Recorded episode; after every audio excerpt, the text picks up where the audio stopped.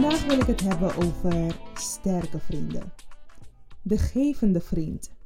De vriend die altijd geeft, maar weinig ontvangt. De persoon die altijd geeft, maar niks voor terug wilt. Laat me dit zeggen. Ik ben zelf een persoon die altijd geeft en weinig terugkrijgt. Soms is het fijn om de waardering te krijgen. Soms is het fijn om ook te ontvangen. Vaak gaan we ervan uit dat onze tussenhaakjes, sterke vrienden, altijd sterk zullen blijven. Maar Sam, wat is sterk? Wanneer ben je sterk? Is dat meetbaar? Daarom vind ik het woord sterk altijd zo misleidend. Ik ben niet sterk, ik ben ik. Ik ben misschien meer in staat om te kunnen dealen met lastige situaties dan anderen. Waar anderen geen uitweg zien, kan ik een uitweg vinden. Ik ben altijd goed in staat geweest om met druk om te gaan. Ik presteer ook beter onder druk. Hoewel ik een denker ben en in mijn hoofd zoveel gebeurt, geloof me nou, er gebeurt zoveel in mijn hoofd. Ben ik gek genoeg in een storm altijd kalm, altijd relax. Vaak gaan wij er dan van uit dat alles goed gaat met deze vrienden. Doordat zulke vrienden in onze ogen sterk zijn, vergeten wij dat zij ook mens zijn.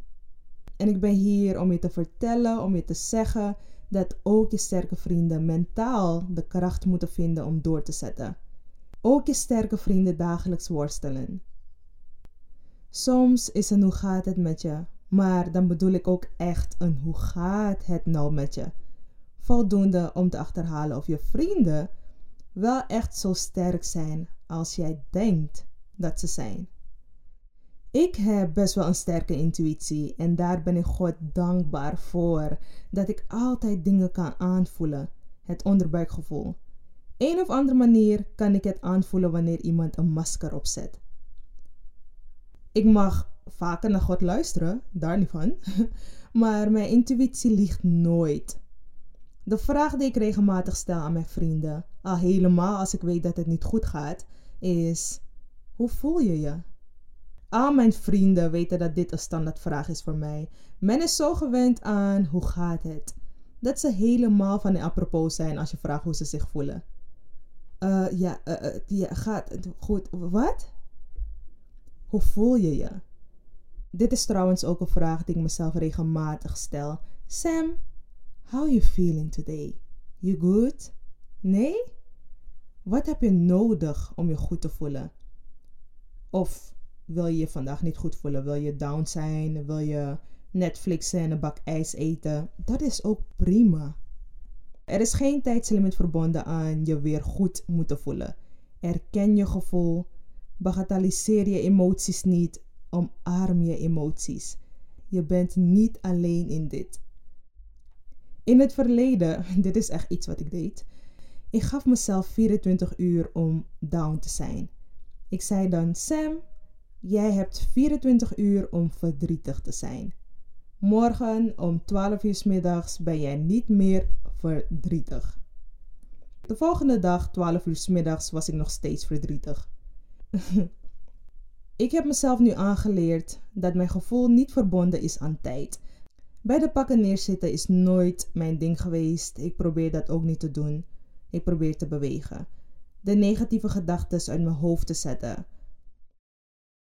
Soms word je gewoon moe van het moe zijn. Heb je dat niet? Dat je soms denkt: wauw, ik ben gewoon moe van het moe zijn. Dat je denkt: ik ben al sinds vrijdag in deze moed. Ik ben het zat. Ik sta nu op, ga me opmaken en boodschappen doen. Want meer kunnen we niet doen in deze tijd. Hallo, corona. Je gaat naar de winkel en mensen die je complimenteren op je haar, op je outfit. Je komt die ene oude vriendin tegen, jullie connecten weer. Jullie praten en ze geeft aan dat dankzij jou zij zich goed voelt. Ze wilde zelf niet naar buiten, maar ging toch en kwam jou tegen. Soms heb je die push nodig en heel vaak komt het vanuit jezelf. Ik ben de type persoon die er altijd is voor anderen. Fysiek, mentaal, financieel, noem maar op. Maar wie is er nou voor mij?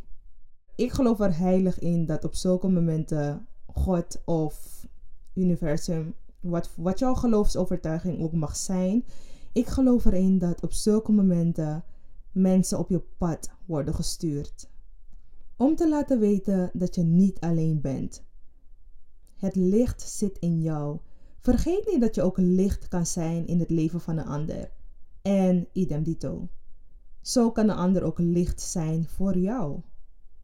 Neem een moment en sta stil. Kijk om je heen, je bent gezegend. Als ik iemand toelaat in mijn cirkel, kan ik met 100% zekerheid zeggen dat de persoon ook gezegend zal zijn. Ik zie het als elektriciteit. Op het moment dat wij een connectie hebben, geniet je ook van mijn wijsheid, succes, voortgang. Ik heb zoveel mensen om mij heen die ik vrienden mag noemen, die mij elke dag zegenen met hun woorden, kracht en moed.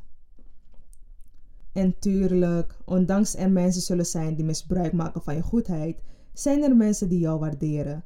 Maak je niet druk om mensen die jouw vertrouwen hebben geschaad. Laat dat aan God over. Richt je op de vrienden die jou nu hard nodig hebben. En heel snel, heel snel, geloof mij, heel snel zal je de vruchten plukken op welk gebied dan ook.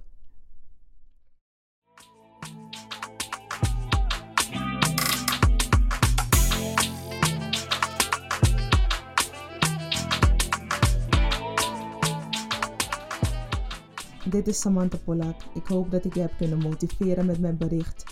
Alsjeblieft, deel deze podcast met jouw vrienden en familie. Volg ons op Instagram en YouTube onder de naam Reis door Taboes.